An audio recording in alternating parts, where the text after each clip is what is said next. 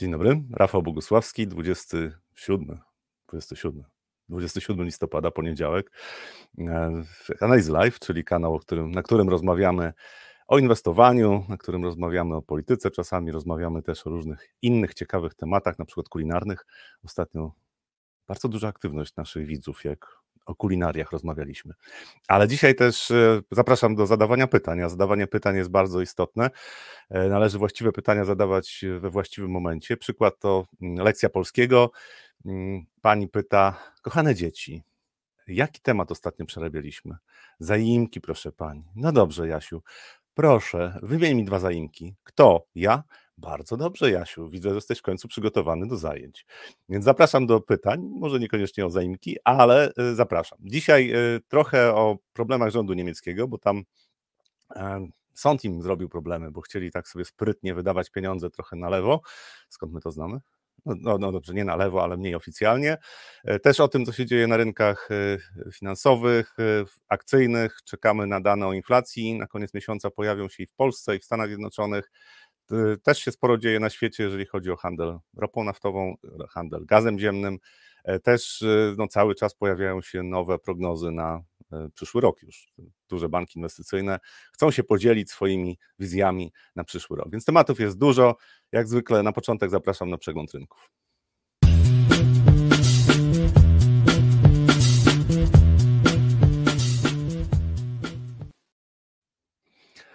Przegląd rynków. Zaczynam od e, Stanów Zjednoczonych, chociaż to są mm, kontrakty terminowe na SP500, czyli ten kontrakt taki najbardziej popularny.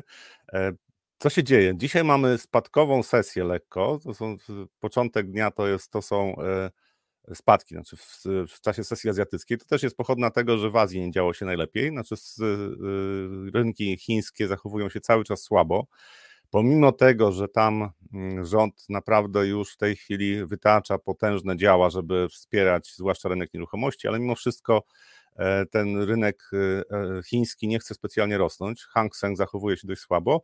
No i teraz jest pytanie, co zrobią Stany Zjednoczone, bo jesteśmy po fazie no, bardzo silnych wzrostów. To i na Nasdaq jest jeszcze silniejszy niż SP500, więc te kontrakty tutaj od początku listopada to jest naprawdę bardzo bardzo przyjemny czas dla byków, dla niedźwiedzi trochę mniej, no ale to tak na rynkach bywa. No.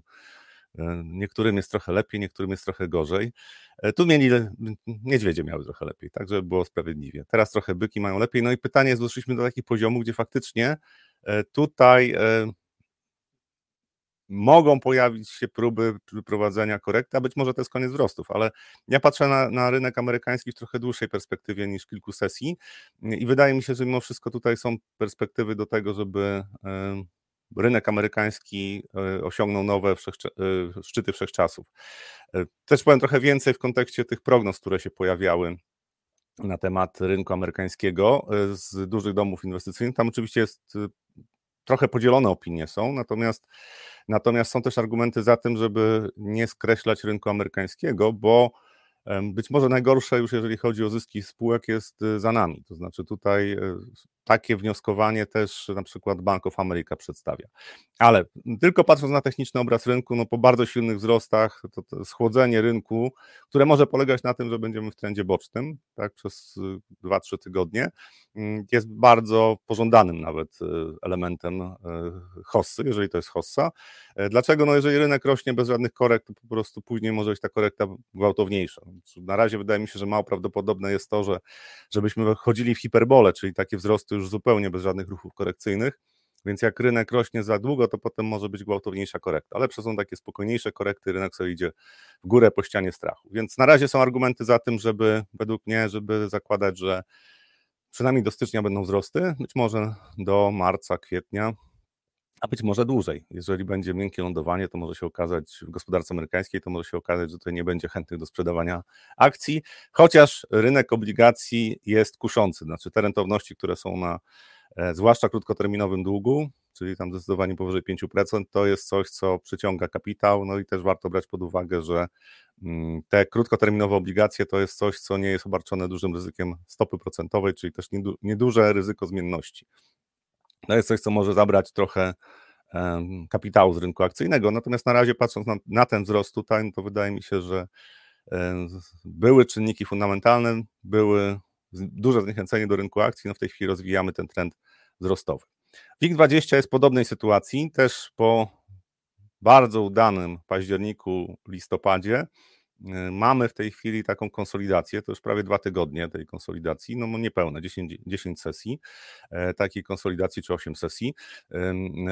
10 dni tak kalendarzowych, 8 sesji. Jeżeli popatrzymy na, na to, co się dzieje w ostatnich dniach, no to widać, że tutaj y, przyhamowanie tempa wzrostów, jest realizacja zysków, też pojawiają się informacje ze spółek, na przykład JCSW pokazała słabsze wyniki, była jedna sesja w ubiegłym tygodniu, 12% spadki JSW. Y, to pokazuje, że ta spółka jest w mojej ocenie niereformowalna, znaczy ze względu na to, mm, jak jest zarządzana, to praktycznie y, każda poprawa sytuacji na rynku węgla, koksującego zwłaszcza, to i tak zostanie wykorzystane na to, żeby zwiększyć koszty działania. I potem pojawiają się większe problemy, jeżeli chodzi o e, sprzedaż węgla, no i przecena i wracamy do trendu spadkowego albo do konsolidacji. E, natomiast e, no na naszej giełdzie WIG20, jeżeli popatrzymy na indeks, to tam sporo się dzieje w spółkach, w piątek silne wzrosty spółek energetycznych, więc ruchy są dość duże na poszczególnych spółkach, ale indeks już tak trochę stracił ten impet wzrostowy. Oczywiście może być za chwilę kolejna fala wzrostowa, natomiast pytanie, co się wydarzy na rynku amerykańskim, rynku europejskim. Jeżeli w Stanach Zjednoczonych rozwinie się ten ruch korekcyjny, ten, który zakładam, bo tam na razie jeszcze ruchu korekcyjnego specjalnego nie ma, czyli spadki rzędu kilku procent się pojawią, to pewnie my też e, na naszym rynku się schłodzimy. Natomiast warto e, pamiętać o tym, że jesteśmy w takim okresie rynkowym, który zazwyczaj jest dość dobrym, zazwyczaj bo był rok 2018, który nie był dobry, ale e, zazwyczaj grudzień to nie jest zły e, czas dla rynków akcji, mm, więc można tutaj zakładać, że inwestorzy nie będą sobie chcieli popsuć świąt Bożego Narodzenia. Znowu, to co, to, co może poruszyć rynkami, to jest e, przede wszystkim dane o inflacji.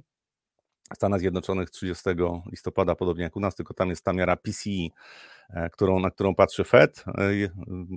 Ma wzrosnąć inflacja bazowa PCE o 0,2% miesiąc do miesiąca. Jak będą odchylenia od y, tego odczytu, to, to wydaje mi się, że rynki wtedy zareagują. Może nie tak gwałtownie jak na e, odczyt inflacji z połowy e, grudnia, który było jedną dziesiątą niższy niż spodziewany i to była euforia e, na rynku akcji w Stanach Zjednoczonych, ale mm, rynki powinny zareagować. Jeżeli jest dezinflacja nadal, no to, to rynki powinny się z tego tytułu ucieszyć. Więc w tym tygodniu pewnie to będzie kluczowy dzień, czyli czwartek. Kolejne, kolejne rynki, na które patrzę, to są przede wszystkim Stany Zjednoczone, rynek obligacji. Rentowności obligacji dziesięcioletnich, no jesteśmy tutaj po spadku rentowności. Rentowności były powyżej 5%. W październiku w tej chwili są po niżej 4,50 już były na poziomie 4,40. Takie odreagowanie no, nie jest niczym niepokojącym na razie, natomiast ja zakładam, że mimo wszystko tutaj mm, możliwości rozwinięcia się hossy na tym rynku, czyli spadku rentowności bardzo, bardzo głębokich, na razie są jeszcze ograniczone. Znaczy, pomimo tego, że są oczekiwania, że gospodarka amerykańska trochę przyhamuje, to podaż obligacji ze strony Departamentu Skarbu będzie duża, a inflacja mm, i w Polsce, i w Stanach Zjednoczonych, i, i w Europie, według mnie w najbliższych miesiącach, mm, będzie dość niechętnie spadała. To znaczy, będzie to problem e, tutaj basenu atlantyckiego przede wszystkim, że inflacja nie będzie chciała zbyt szybko spadać i będą się pojawiały opinie oczywiście, że Fed nie będzie obniżał stóp procentowych. To jest w ogóle, jeżeli mówimy o rynku obligacji, to według mnie jest bardzo ciekawy temat, mm, bo mm, może być duże zaskoczenie według mnie, bo w tej chwili są oczekiwania takie, że e, jest dezinflacja, w zasadzie inflacja została pokonana, natomiast historia uczy, że to rzadko kiedy takie scenariusze się realizują może się okazać, że powszechne założenie, że w przyszłym roku rentowności obligacji będą niższe, bo to jest powszechne przekonanie większości uczestników rynku, że będzie jak zwykle błędne. To znaczy, jak jest tak duże przekonanie o czymś, że rynki w jakiś sposób e, się zachowają, to najczęściej dzieje się coś, co sprawia, że rynki zachowują się inaczej. E, tutaj. Inflacja październikowa, komentarz widzę. Inflacja październikowa miała być najniższą w tym i przyszłym roku. Czy podtrzymuje Pan swoje zdanie? Jeżeli mówimy o polskiej inflacji, według mnie tak. Znaczy tutaj tylko spadki cen mm, ropy naftowej, mm, szybkie, to jest coś, co może spowodować, że inflacja w Polsce będzie e, niższa jeszcze w kolejnych miesiącach. To, to, to wtedy po prostu byłby efekt mm, przenoszenia cen paliw na, na, na, na inflację. W koszyku inflacyjnym same paliwa mają około 5% i to, to już wystarczy przy spadku inflacji, przy spadku cen paliw o 20%, to jest jeden punkt procentowy. Mm, tutaj pozostałe, pozostałe składniki inflacji wtedy pewnie nie będą, inflacja nie będzie rosła tak szybko, żeby E, żeby skorygować spadek cen paliw, a zresztą ceny paliw przekładają się też na inne obszary gospodarki, to nie tylko same paliwa są. E, zakładam, że już za, za listopad będziemy mieli wyższą inflację. Tam oczekiwania są rynkowe 6,8% w porównaniu do 6,6%. Ja myślę, że będziemy bliżej 7%. E, natomiast no to no, oczywiście jest, może być zaskoczenie. Znaczy ja nie, nie, prowadzę takiej pełnej bazy e, analitycznej, jeżeli chodzi o ceny w Polsce. Po prostu obserwuję, co się dzieje na rynku żywności, co się obserwuje, w, jakie są tendencje na poszczególnych, poszczególnych obszarach, poszczególnych koszykach tak, inflacyjnych. E, no i wzrosty cen mm, benzyny, paliw, to jest coś, co wydaje mi się, że podniesie trochę inflację, że tam będziemy bardziej na poziomie 6,9, 6, 7%, być może 7,1 na tych, na tych poziomach. E, I, I dalej, kolejne miesiące według mnie to już będzie też e, za styczeń oczywiście będzie kwestia tego, jaka część e, tych tarcz antyinflacyjnych zostanie rząd zrezygnuje, tak, z jakiej części, które, które ceny pójdą w górę.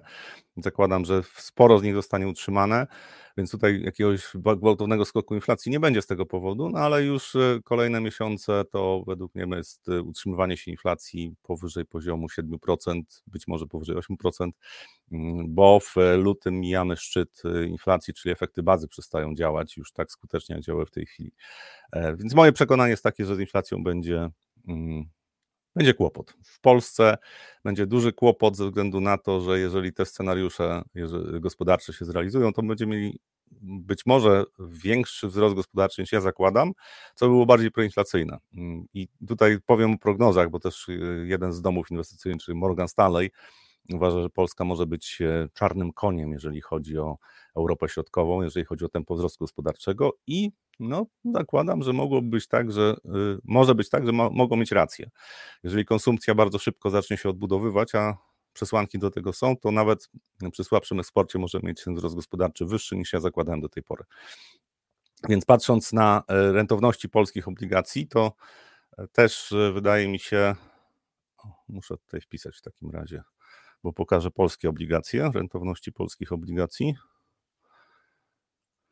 dziesięcioletnich i mieliśmy spadki do poziomu tam poniżej 5,50 mm, i ostatnie dni to jest wzrost rentowności obligacji. I ja zakładam, że tutaj już w tej chwili będzie trochę większy problem, żeby te rentowności obligacji spadały sobie tak, tak szybko, jak na przykład tutaj. Raczej będą y, y, analitycy obserwowali, inwestorzy obserwowali uważnie, co się będzie działo z mm, inflacją w Polsce, bo rentowności no, będą zachowywały się zgodnie z tym, co będą przynosiły dane o inflacji, plus to, co się będzie działo na świecie. Czyli my będziemy zależeli od dwóch czynników.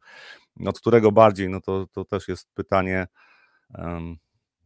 jak mocno będą, jak duże zmiany będą na rynkach y, finansowych na świecie, czyli jak mocno będą się zmieniały rentowności obligacji na świecie, jak duży będzie risk off, risk risk on, bo wtedy y, te czynniki globalne mogą przechylić szale, natomiast jeżeli będzie w miarę spokojnie na rynkach światowych, to myślę, że tutaj no, inflacja w Polsce będzie decydowała o tym, co się będzie działo e, z rentownościami tych obligacji. Jeszcze pokazałbym e, indeks TBSP, czyli tych obligacji powiedzmy takich e, średnich terminach zapadalności i tutaj no, też już widać, że od lipca, sierpnia to te wzrosty to, to jest indeks, czyli to zachowanie portfela. To te wzrosty już nie są tak dynamiczne, jak były wcześniej.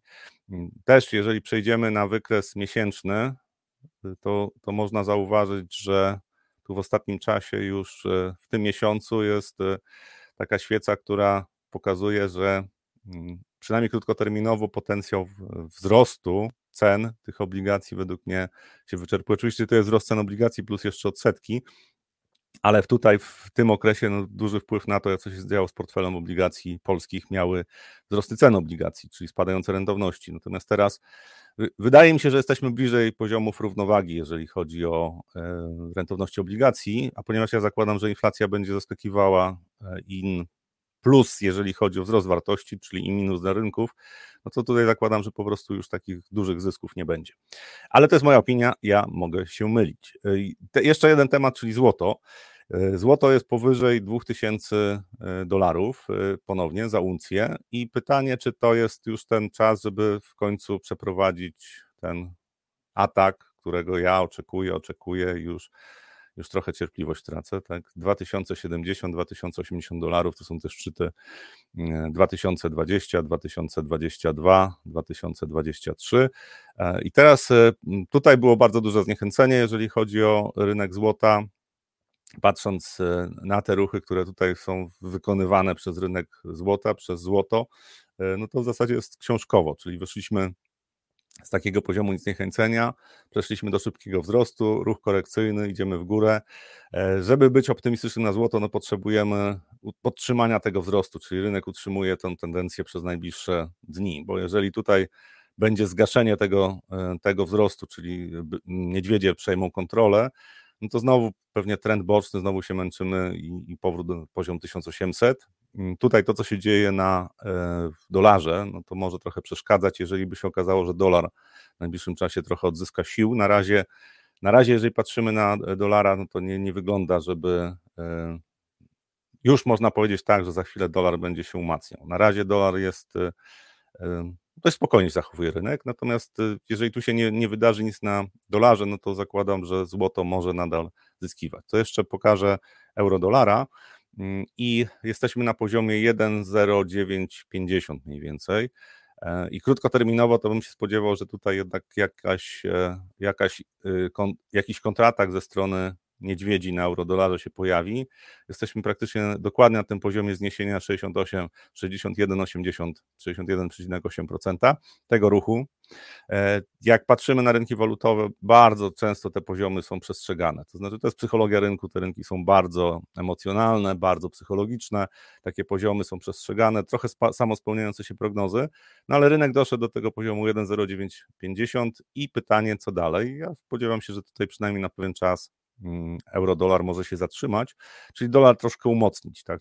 czyli zejście tutaj poniżej 1,09 to jest umocnienie dolara. Takie niewielkie ruchy nie mają dużego wpływu na przykład na e, rynki surowcowe, na złoto, ale e, jak osłabiał się, mm, osłabiał się dolar, no to złoto jest trochę szybciej, łatwiej rosnąć, zresztą innym rynkom surowcowym też. E, to tyle, jeżeli chodzi o przegląd y, y, rynkowy. E, zakładam, że w tym tygodniu, e, no, zwłaszcza daną inflacji w czwartek, to mogą wywołać większy ruch. Na razie poniedziałek, wtorek mm, to pytanie, jak się inwestorzy w Stanach po świętach, święcie dziękczynienia odnajdą. Piątkowa sesja była trochę krótsza, więc też mniejsza płynność. No zobaczymy, co będzie dzisiaj. Warunki dla przeprowadzenia jakiegoś kontrataku przez niedźwiedzie według mnie są sprzyjające. Pytanie, jak głęboki byłby ten ruch korekcyjny. E, co się dzieje na świecie? Może zacznę nie od Niemiec, tylko zacznę od, od rynku akcji w Stanach Zjednoczonych. I to jest coś, co trochę mnie niepokoi, czyli to, że e, wzrosty na rynku akcji no mocno, mocno wpłynęły na to, że inwestorzy w Stanach Zjednoczonych, zwłaszcza indywidualni, wrócili na ten rynek. E, napływy w, dwa tygodnie do 21 listopada były, były o wartości 40 miliardów E, dolarów i to są najwyższe napływy od lutego 2022. Luty 2022 to był początek trendu spadkowego e, w Stanach Zjednoczonych e, w ubiegłym roku, więc no, to jest jedna z rzeczy, która troszkę mnie niepokoi tak krótkoterminowo, że tutaj ten optymizm, też jeżeli chodzi o inwestorów indywidualnych, jest trochę za duży, bo tam Stowarzyszenie Inwestorów Indywidualnych robi takie badanie, ankietę cotygodniową E, liczba byków to jest 45% w tej chwili. Jak był pełen pesymizm na początku roku, to e, e, liczba byków wynosiła 22-23%. Więc teraz ten wzrost, no, to są sygnały ostrzegawcze, natomiast, natomiast niekoniecznie to oznacza zakończenie mm, tego ruchu wzrostowego, zakończenie tej hossy. Ja uważam, że jesteśmy dalej w hossie. E, i od października ubiegłego roku jest ten trend wzrostowy e, na rynku amerykańskim się rozwija i według mnie jeszcze się nie zakończył. Mój bazowy scenariusz jest taki, że będą mm, rekordy wszechczasów w Stanach Zjednoczonych, zanim przyjdzie taka większa korekta i niekoniecznie też Bessa, bo tutaj za chwilę o tym powiem więcej, dlaczego nie musi to być taka pełnowymiarowa Bessa, dlaczego rynki akcji mogą jeszcze na przykład przez 2-3 lata zachowywać się całkiem dobrze i dopiero potem pojawi się osłabienie, pomimo tego, że E, tych zagrożeń ze strony Fedu jest całkiem dużo. E, dane, przepraszam, prognozy, tak, tutaj trochę o prognozach powiem. Morgan Stanley ma gospodarcze prognozy dość optymistyczne, jeżeli chodzi o gospodarkę. Znaczy zakładają, że będzie miękkie lądowanie, natomiast ja bym zwrócił uwagę na to, co mówią o Polsce. To, jest, to są dane makro, znaczy tutaj prognozy dotyczące, dotyczące makro, i jak patrzą na. Przepraszam, coś mi uciekło. Jeszcze raz. Jak patrzą na Bliski Wschód i Europę, to w Europie Centralnej i Bliski Wschód, bo my jesteśmy tutaj e, często analizowani jako cały, e, cały region, mm, to Polska jest wymieniona jako ten kraj, który powróci wzrost gospodarczy i to wzrost gospodarczy w tempie 3,4%.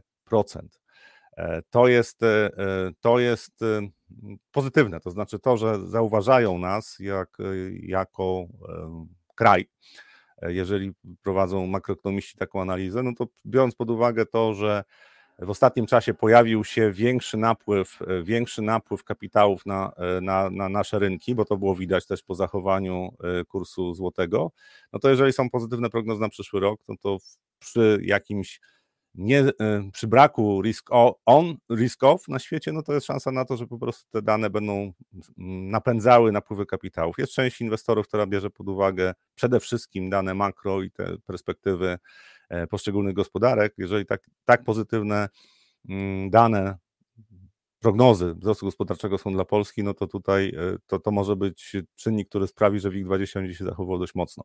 Pytanie, czy będzie te 3-4%? Ja zakładałem, że to będzie około 1,5% wzrostu w przyszłym roku, co będzie wynikało przede wszystkim ze słabnięcia eksportu. Znaczy, mm, eksporterzy będą mieli problemy, bo niemiecka gospodarka będzie miała problemy, no ale pytanie, czy tak będzie.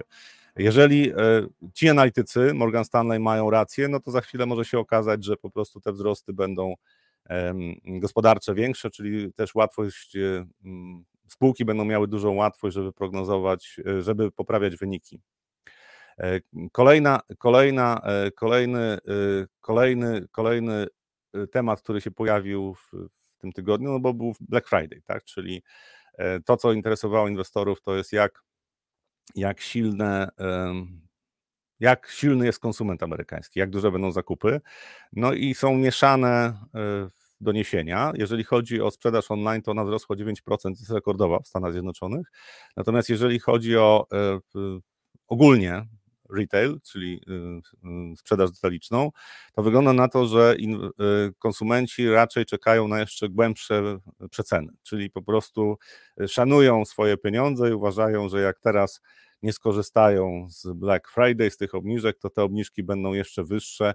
Być może przed świętami nie, ale być może będą za to duże wyprzedaże e, po nowym roku. I to jest jedna z rzeczy, na którą e, ekonomiści, analitycy wskazują jako zagrożenie dla zysków spółek. To znaczy, jeżeli faktycznie okaże się, że przed e, Bożym Narodzeniem również te zakupy nie będą zbyt intensywne, czyli klienci nie będą chcieli wydawać pieniędzy, bo będą czekali na przeceny e, posezonowe, no to to może się odbić na zyskach spółek. Detal w Stanach Zjednoczonych nie zachowuje się zbyt dobrze. Tam jest sporo problemów też na przykład z kradzieżami w sklepach, więc koszty działania tych e, e, murowanych mm, sklepów rosną. I to, to jest coś, co sprawia, że ten biznes w ogóle zaczyna być mało opłacalny. Natomiast patrząc na siłę konsumenta, to trudno ocenić, w jakim stopniu to są y, takie zachowania, które wynikają z tego, że mm, no, ludzie się zmieniają, znaczy ludzie zmieniają trochę swoje nawyki, e, czyli ten Black Friday to już nie jest taka super okazja. Znaczy też myślę, że sporo dotarło do ludzi to, że niektóre sklepy te mm, super obniżki, które zapowiadają, to te obniżki nie są aż tak mm, korzystne. E, I sporo osób jednak bierze poprawkę na to, że potem jest lepszy sezon na dokonywanie zakupów, zwłaszcza po e, świętach Bożego Narodzenia. Więc e, zobaczymy. Zobaczymy, jak, jak rynek to zinterpretuje. Dzisiaj jest pierwszy dzień po po tym weekendzie takim dodatkowych zakupów. I, i myślę, że też będzie widać na rynkach akcji przez y, to, co się wydarzy na sieć, w, z sieciami detalicznymi, będzie widać, jak inwestorzy odebrali to, co się wydarzyło w e, Stanach Zjednoczonych. E, teraz jeszcze jeden temat, y, wracam do prognoz, tutaj Bank of America i jest pani Savita Sabramanian, E, to jest stratek z Bank of America i to nie jest, to nie jest mm, jedyny ich stratek, natomiast to jest taka pani, która dość często medialnie występuje, pojawia się w różnych programach i mówi o tym, czego się spodziewa. E, I spodziewa się, że SP500 w przyszłym roku pokona 5000 punktów. I dlaczego tą prognozę przywołuję? E, ona jest dużo bardziej optymistyczna niż Goldman Sachs. Goldman Sachs zakłada, że tam będzie 4700 punktów tylko. Też zwrócę uwagę, że rzadko kiedy e, strategzy mm, czy analitycy z domów inwestycyjnych e, dają prognozy dla indeksu, zmiany indeksu, wartość więcej niż 10%. Najczęściej to jest pomiędzy 5 i 10%, czasami trochę mniej. Mm, Mm, I rzadko kiedy e, można oczekiwać, że na przykład przewidzą, że pojawi się hiperbola, czyli że pojawi się na rynku taki wzrost, którego się właśnie nikt nie spodziewa. No bo jakby się wszyscy spodziewali, to no takiego wzrostu by nie mogło być, to, to wtedy zabrakłoby paliwa takiego wzrostu. Więc warto brać poprawkę właśnie, że te prognozy mm, domów inwestycyjnych to najczęściej są 5 do 10% albo w górę, albo w dół i rzadziej w dół. To znaczy bardzo rzadko, kiedy e, domy inwestycyjne prognozują spadki indeksu. W ogóle prognozy na ten rok były bardzo zachowawcze. Część domów inwestycyjnych jeszcze 2-3 miesiące temu zakładała, że e, to będzie rok z ujemną stopą zwrotu dla SP500. No okazało się, że nie jest, więc tam 2-3 miesiące temu pozmieniali. Bardzo dużo prognoz zostało zmienionych w lipcu, kiedy mieliśmy szczyt optymizmu. Potem pojawiła się korekta, teraz jesteśmy na poziomach które dają szansę na to, żeby pokonać przynajmniej poziom 4600, czyli ten lipcowy szczyt, być może 4800. Natomiast uzasadnienie, mnie zawsze ciekawi uzasadnienie e, takiej prognozy i pani Sawita mówi o tym, że w jej ocenie e, Bessa wynikowa, czyli jeżeli chodzi o zyski, właśnie się skończyła. Czyli te dwa kwartały, pierwszy i drugi kwartał, kiedy były duże spadki zysków rok do roku spółek amerykańskich, to była Bessa. I spółki dostosowywały się do tego, e, co się działo w gospodarce, bo gospodarka pogorszyła się koniunktura dla tych spółek. W związku z tym ograniczyły koszty, zrestrukturyzowały się, nie wszystkie, ale część się zrestrukturyzowała. I teraz, jeżeli e, w przyszłym roku będzie e, scenariusz miękkiego lądowania dla gospodarki amerykańskiej, to nawet jeżeli wzrost gospodarczy nie będzie zbyt imponujący i powiedzmy ten wzrost będzie około 1% dla gospodarki, to dzięki temu, że firmy zrestrukturyzowały się w pierwszym i drugim kwartale i również w trzecim, e, to one będą w stanie utrzymać e, dodatni, e, dodatnią zmianę zysków, czyli wzrost zysków będzie się pojawiał w przyszłym roku i ten wzrost zysków może być około 6%, a być może około 10% nawet. Jeżeli będzie 6%, no to oczywiście jeżeli z dzisiejszych poziomów rynek by wzrósł 10%, to by oznaczało, że też trochę rosną wskaźniki, tak? ale, ale zyski będą podtrzymywały te wzrosty. I, i to nie jest, to nie jest y, y, koncepcja, która nie da się obronić. To znaczy, to jest całkiem całkiem dobre rozumowanie w przypadku, jeżeli spowolnienie w Stanach Zjednoczonych nie będzie zbyt gwałtowne. No, bo jeżeli będzie spadek PKB 2-2,5%, to już ta koncepcja nie działa. To znaczy wtedy dla spółek jest dużo trudniejsze, są dużo trudniejsze warunki funkcjonowania i wtedy to nie zadziała. Ale jeżeli faktycznie mają rację i ta gospodarka tylko przyhamuje, e, to może się okazać, że no, nikt nie będzie chciał sprzedawać akcji, bo będą cały czas realizowane prognozy wzrostu zysków, czyli tych EPS-ów na akcje. Czy tak będzie znowu? Nie wiem, natomiast przedstawiam e, koncepcję, która bardzo szanuję tą panią, bo ona dość często mówi sensownie i większość rzeczy, które mówi, to mówi z sensem. I też uzasadnienia, które przedstawia, to widać, że to nie są jednowymiarowe rzeczy. To znaczy ma przemyślany temat i po prostu jest w stanie obronić e, swoje wnioskowanie. Pokazuje to y, dla też, żeby przestrzegać osoby, które zakładają, że już na pewno musi być Bessa w przyszłym roku. Ja zakładam, że ona jest bardziej prawdopodobna, znaczy, że w ogóle pogorszenie koniunktury w Stanach Zjednoczonych jest bardziej prawdopodobne niż taki scenariusz optymistyczny, ale nie patrzę, znaczy nie zamykam oczu i nie udaję, że nie widzę, że gospodarka amerykańska może się wybronić, zwłaszcza jeżeli okazałoby się, że w roku przedwyborczym, znaczy w roku wyborczym, przepraszam, e, stymulacja fiskalna ze strony e, rządu będzie gigantyczna. Pytanie, czy to się uda? E, w przypadku podzielonego e, kongresu, czyli Izba Reprezentantów jest we władaniu republikańskim, to pytanie, czy to się, czy to się uda. Znaczy, czy republikanie pozwolą wydać tyle e, pieniędzy, ile rząd demokratów chciałby wydać. Ale jeżeli będzie duża stymulacja fiskalna, to faktycznie taki scenariusz może się bronić. Też cały czas ja podkreślam, że gospodarka amerykańska jest najbardziej elastyczną gospodarką z tych dużych gospodarek i potrafi sobie radzić z różnymi szokami, jak politycy za bardzo nie przeszkadzają, a tutaj politycy jeszcze trochę pomagają, podsypując więcej pieniędzy. Jak będzie, nie wiem. Będę dalej przed, zbierał mm, prognozy na przyszły rok i przedstawiał przede wszystkim rozumowanie, które kryje się za takimi prognozami, bo sama liczba to naprawdę niewiele mówi. Znaczy tutaj bardziej, bardziej mnie interesuje to, że e, faktycznie ten scenariusz, w którym e, Bessa wynikowa już się skończyła, to byłby bardzo ciekawy z punktu widzenia dalszej, dalszego rozwoju sytuacji na rynku akcji w Stanach Zjednoczonych. Paweł, będzie dobrze, no chyba, że będzie źle. Mm, ja e, zawsze przedstawiam wszystkie, może nie wszystkie, ale po, zawsze pokazuję z, przynajmniej z dwóch stron mm, mm, jak, jakieś prognozy, rozumowanie, które prowadzi jakieś prognozy, ponieważ jeżeli ktoś nie, nie zakłada innych scenariuszy, to najczęściej nawet nie wie, co go zabije na rynku, w cudzysłowie oczywiście, i warto po prostu rozważać różne, mm, różne scenariusze. Jest, według mnie jest całkiem sporo przesłanek, żeby tutaj pani Sawity y, koncepcji, tak, prognozy nie skreślać, natomiast wydaje mi się, że trochę nie będzie aż tak, y, y, aż tak dobrze, jak ona zakłada, natomiast też nie zakładam, że będzie aż tak źle, jak zakłada wielu e, czarnowidzów, którzy mówią, że tutaj już koniec gospodarki amerykańskiej, po prostu recesja, 70% spadki na indeksach.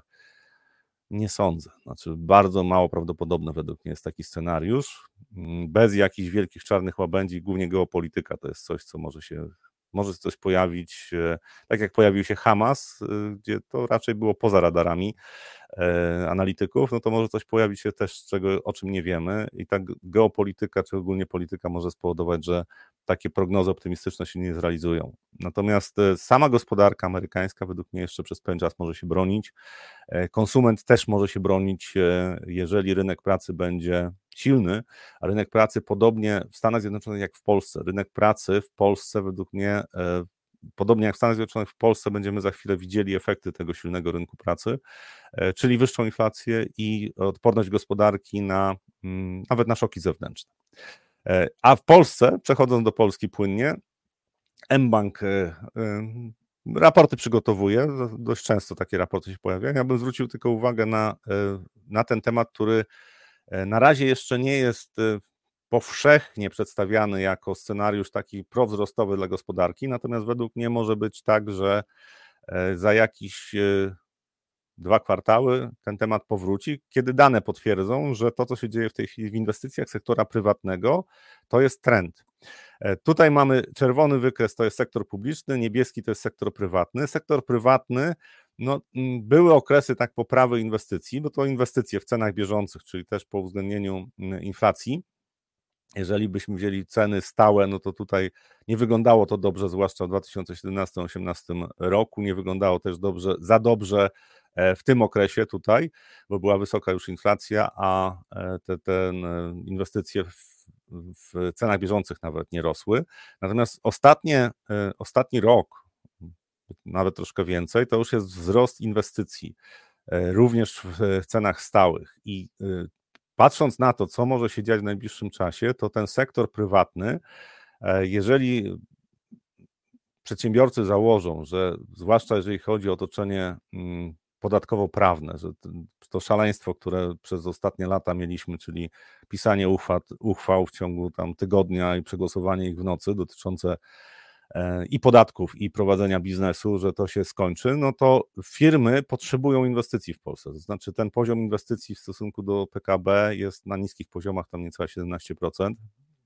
I to jest coś, co może sprawić, że e, firmy po prostu z konieczności będą inwestowały, a e, kapitał zagraniczny, czyli inwestycje bezpośrednie zagraniczne, one do Polski płyną. I, i to jest e, taka mieszanka, która według mnie może sprawić, że my mm, będziemy bardzo atrakcyjnym rynkiem ze względu na to, że polska gospodarka będzie się rozwijała dwa, a może nawet trzy razy szybciej niż e, kraje starej Unii. W takim otoczeniu no, warto inwestować. Rynek pracy na razie nie wygląda, żeby chciał mocno osłabnąć, e, więc e, to jest jeden z tych dodatkowych takich bonusów, którzy może się pojawić, bo ja nie zakładałem w swoich takich prognozach, jak, jak analizowałem polską gospodarkę, to nie zakładałem, że tutaj jakieś e, bardzo duże przyspieszenie inwestycji nastąpi w sektorze prywatnym. Natomiast może być faktycznie tak, że przyszły rok to będą inwestycje w sektorze prywatnym na przykład dwa razy większe niż w tej chwili ekonomiści zakładają.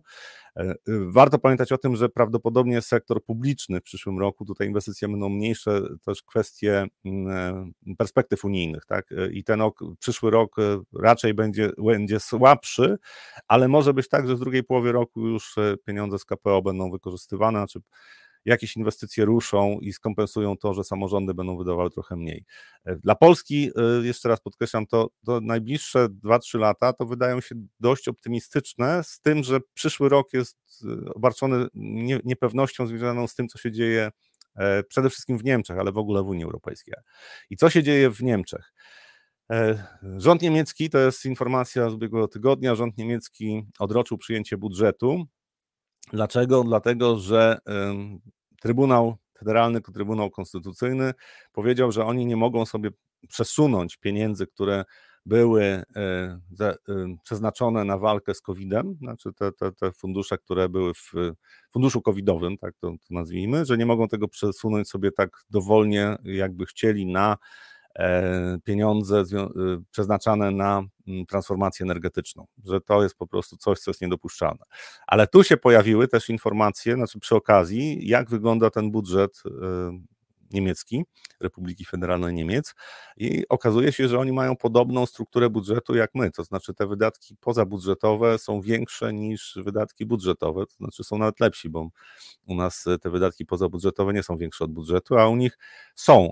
E, I e, właśnie się rozpoczęła dyskusja, czyli jakby zaprzeczenie tego, co, z czego Niemcy słynęli, że tam wszystko jest e, zaplanowane i po prostu tak jak koleje niemieckie, że to wszystko wcześniej jest przygotowywane. Okazuje się, że jak chodzi o wydatki rządowe, to politycy za 5.12 zaczynają, bo tutaj tak naprawdę 1 grudnia powinni mieć już ten projekt budżetu i go przegłosować. Natomiast prawdopodobnie go nie przegłosują. Tu chodzi o 40, 40 czy 60, przepraszam, bo wyleciała mi liczba z głowy. Dobrze, a wydaje mi się, że 40 z pamięci powiem, że 40 miliardów euro e, i nie, przepraszam, 60 miliardów euro. 60 miliardów euro. 60 miliardów euro e, e, chcieli przesunąć na wydatki związane z transformacją energetyczną, nie mogą tego zrobić. Pytanie, co zrobią? E, I dlaczego o tym mówię? Oczywiście to są wyzwania dotyczące w ogóle polityki gospodarczej, którą prowadzą politycy w Europie i większość krajów. Bardzo mnie bawi, jak słyszę, że teraz populiści dojdą do władzy, bo jeżeli ktoś ma deficyt permanentnie utrzymywany na poziomie, ja nie mówię o Niemczech, akurat oni przez większość czasu mieli ten deficyt budżetowy na niskim poziomie, ale tak jak nie wiem, Francja, Hiszpania mm, czy Polska, e, deficyt budżetowy na poziomie powyżej 3% PKB, no to, to, to pytanie, tak, czym się różni populista od y, takiego zwykłego polityka. Skoro i ten, i ten wydaje, i tak naprawdę tylko limity, mm, które są wprowadzane odgórnie, ograniczają możliwości wydawania pieniędzy, bo chętniej by wydawali więcej.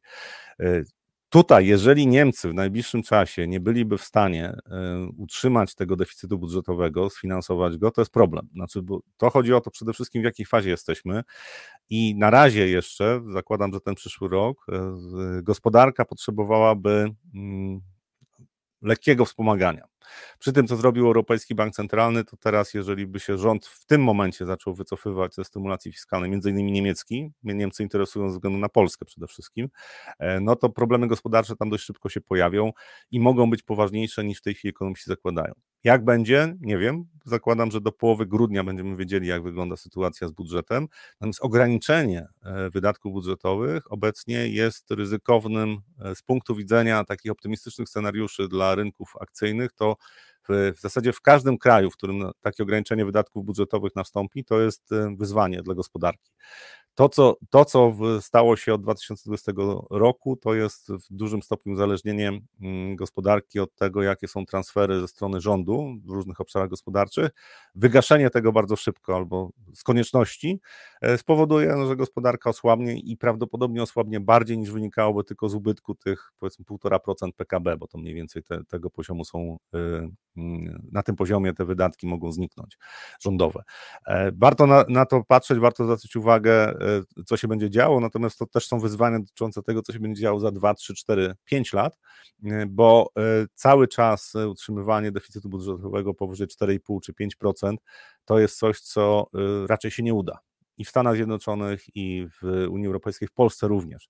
Więc pytanie, jak, jak będzie wyglądała mm, sytuacja budżetów, jak będzie wyglądała stymulacja fiskalna za 3 lata, według mnie e, w tej chwili nie da się postawić jednoznacznej prognozy. Bardzo dużo będzie zależało też w Unii Europejskiej, na przykład od nastawienia e, mm, polityków europejskich, czyli to, co Unia Europejska przyjmie, czy na przykład ten e, limit 3% deficytu do PKB będzie wymuszany na krajach, czy jednak będą będą jeszcze przez pewien czas politycy patrzyli łagodniej. Wydaje mi się, że ten drugi scenariusz jest bardziej prawdopodobny, natomiast Niemcy y, trochę na własne życzenie y, mają w tej chwili problem, rząd niemiecki ma wyzwanie, też bardzo trudna e, sytuacja kanclerza Olafa Scholza ze względu na to, że popularność jego partii zdecydowanie spadła, to jest tylko 16,5%.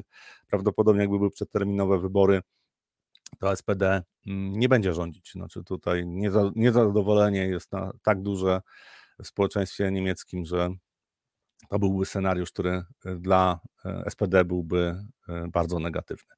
Jeszcze jeden temat, czyli to co, to, co robi Gazprom, a Gazprom po prostu sobie sprzedaje w dużych ilościach gaz do Chin, albo z drugiej strony można patrzeć, że Chiny korzystają i kupują w dużych ilościach rosyjski gaz. Na przyszły rok prognozy mówią, że mm, Rosja sprzeda 30 miliardów metrów sześciennych gazu do Chin i to będą rekordowe poziomy, a być może, jak dobrze pójdzie, nawet 38. I teraz pytanie jest takie: no jeżeli Chiny mm, w zasadzie wykorzystują to, co się dzieje na rynku gazu, e, bo e, ze względu na ograniczenia, które zostały wprowadzone przez Unię Europejską na zakup gazu z Rosji, no to oni mają po prostu bardzo uprzywioną sytuację. Okazało się notabene, że e, to, co było stawiane jako argument, e, że Rosja nie będzie w stanie mocno zwiększyć e, przesyłu do Chin gazu, ze względu na to, że rurociągi są inaczej ułożone, to znaczy te, te pola gazowe, które są wykorzystywane dla wydobycia gazu i transmisji do Chin, to są inne rurociągi niż te, które były do Europy okazuje się, że to nie do końca jest prawda. Czy Rosja dość szybko była w stanie e, zwiększyć e, przesył gazu e, do Chin, no i to wygląda na to, że to jest tendencja. Znaczy tutaj to też sprawia, że nie ma presji tak dużej na światowych rynkach gazowych, dlatego że między innymi Chiny, ale również Indie kupują z Rosji gaz i po prostu oni nie kupują już innego gazu. Tak? Jeżeli tutaj Europa ma też, to jest korzyść dla Europy, że nie ma podbicia cen gazu. Natomiast to jest pytanie o skuteczność też e, takich, e, e, takiego embarga, jeżeli tak duże kraje jak Chiny i Indie praktycznie no, nie przestrzegają tego, bo Indie, Indie to w ogóle tak ciekawie się zachowują, bo trochę one tak jakby trochę, trochę były za Rosją, ale trochę były, znaczy, przepraszam, trochę były za mm, embargiem, trochę były za krajami Zachodu, ale też od Rosji tak zupełnie się nie e, odwracają, więc też starają się wykorzystać to, co się dzieje na rynkach światowych. To jest y, interesujące z punktu widzenia mm, potencjalnego wzrostu cen gazu y, w najbliższym czasie, e, bo patrzę na to i mówię, ok, jeżeli, jeżeli Chiny mają zaspokojony popyt w znacznie większym tempie niż e, z Rosji, niż to było wcześniej zakładane, to jest szansa na to, że nie będzie jakiegoś szoku, jeżeli chodzi o ceny e, gazu w Europie. Czyli tutaj tylko jakaś, jakiś scenariusz bardzo zimnej, chłodnej, mroźnej zimy w Europie, to byłby scenariusz, który podbiłby mocną cenę E, gazu ziemnego, przy tym układzie, który w tej chwili zaczyna się stabilizować. To też jest, e, też patrząc na to, co się dzieje na froncie, e, jeżeli chodzi o wojnę rosyjsko-ukraińską, to wygląda na to, że tam żadna ze stron nie jest w stanie osiągnąć jakiejś przewagi. Niestety, prawdopodobnie będziemy mieli zamrożony konflikt, który może trwać wiele lat. komentarze mówią o tym, że Putin chce wytrzymać do wyborów prezydenckich w Stanach Zjednoczonych. Natomiast to pytanie, czy, czy ten konflikt skończył się nawet wtedy, kiedy potencjalnie Putin, Trump wygrałby wybory w Stanach Zjednoczonych. Natomiast to, co się dzieje na rynkach światowych, jeżeli patrzymy na y, gospodarkę, też na rynki surowcowe, to wygląda, że świat no, zaczął funkcjonować tak, jak y, najczęściej to się działo przy innych konfliktach, że po prostu jest konflikt, a gospodarka światowa zaczęła funkcjonować mm, tak, jakby tego konfliktu nie było. Znaczy, znalazła sposób na to, żeby, żeby funkcjonować e, dalej. E, na dzisiaj to wszystkie tematy. Bardzo dziękuję e, za uwagę. Pytania były. O, jeszcze jedno pytanie. Wszystko wskazuje na to, że w następnym roku może zakończyć się wojna za naszą granicą. No właśnie nie wiem, czy wszystko wskazuje, bo tutaj jest sporo wątpliwości. E, ja mam sporo wątpliwości, czy, to się, czy ta wojna się zakończy, czy nie będzie tak, że to będzie taki właśnie zamrożony konflikt, e, że intensywność walk nie będzie tak duża, ale e, jakiegoś trwałego pokoju to nie będzie jeszcze przez ładnych parę lat. To jest kwestia też tego, jakie jest nastawienie społeczeństwa ukraińskiego do Rosjan. Znaczy tutaj ustępstwa będą traktowane w dużym stopniu jako zdrada, e, ustępstwa wobec Rosji. Więc tutaj e, po tym, co się wydarzyło pomiędzy e, Rosjanami i Ukraińcami, no to tutaj wątpię, czy szybko jest możliwe zawarcie jakiegoś trwałego porozumienia pokojowego. Niestety to jest coś, co zmienia nam sytuację polityczną, to znaczy ten potencjalny konflikt Rosja-Ukraina, on może się odbudowywać w perspektywie następnych lat, niestety. Ale to jest mój komentarz. E, ja nie jestem specem, jeżeli chodzi o geopolitykę, natomiast e, no, to wpływa na rynki finansowe, więc mm, trochę musiałem o tym poczytać. Bardzo dziękuję e, za dzisiaj. Jutro nie ma live'a. Zapraszam na środę na 8.45 mm, i tematy oczywiście będą, będą ciekawe, będą dotyczyły przede wszystkim też zakładam w tej chwili, że będzie dotyczyło znowu Chin, bo tam się sporo dzieje mm, i, i trochę komentarzy na ten temat, bo Chiny według mnie to jest coś, co e, jest owiane sporą tajemnicą, czy znaczy duża niepewność, natomiast potencjalnie tam sporo z punktu widzenia gospodarczego dla gospodarki światowej może być parę pozytywnych rzeczy e, i staram się szukać takich rzeczy, więc na pewno w środę o tym powiem. Bardzo dziękuję za dzisiaj i do zobaczenia w środę.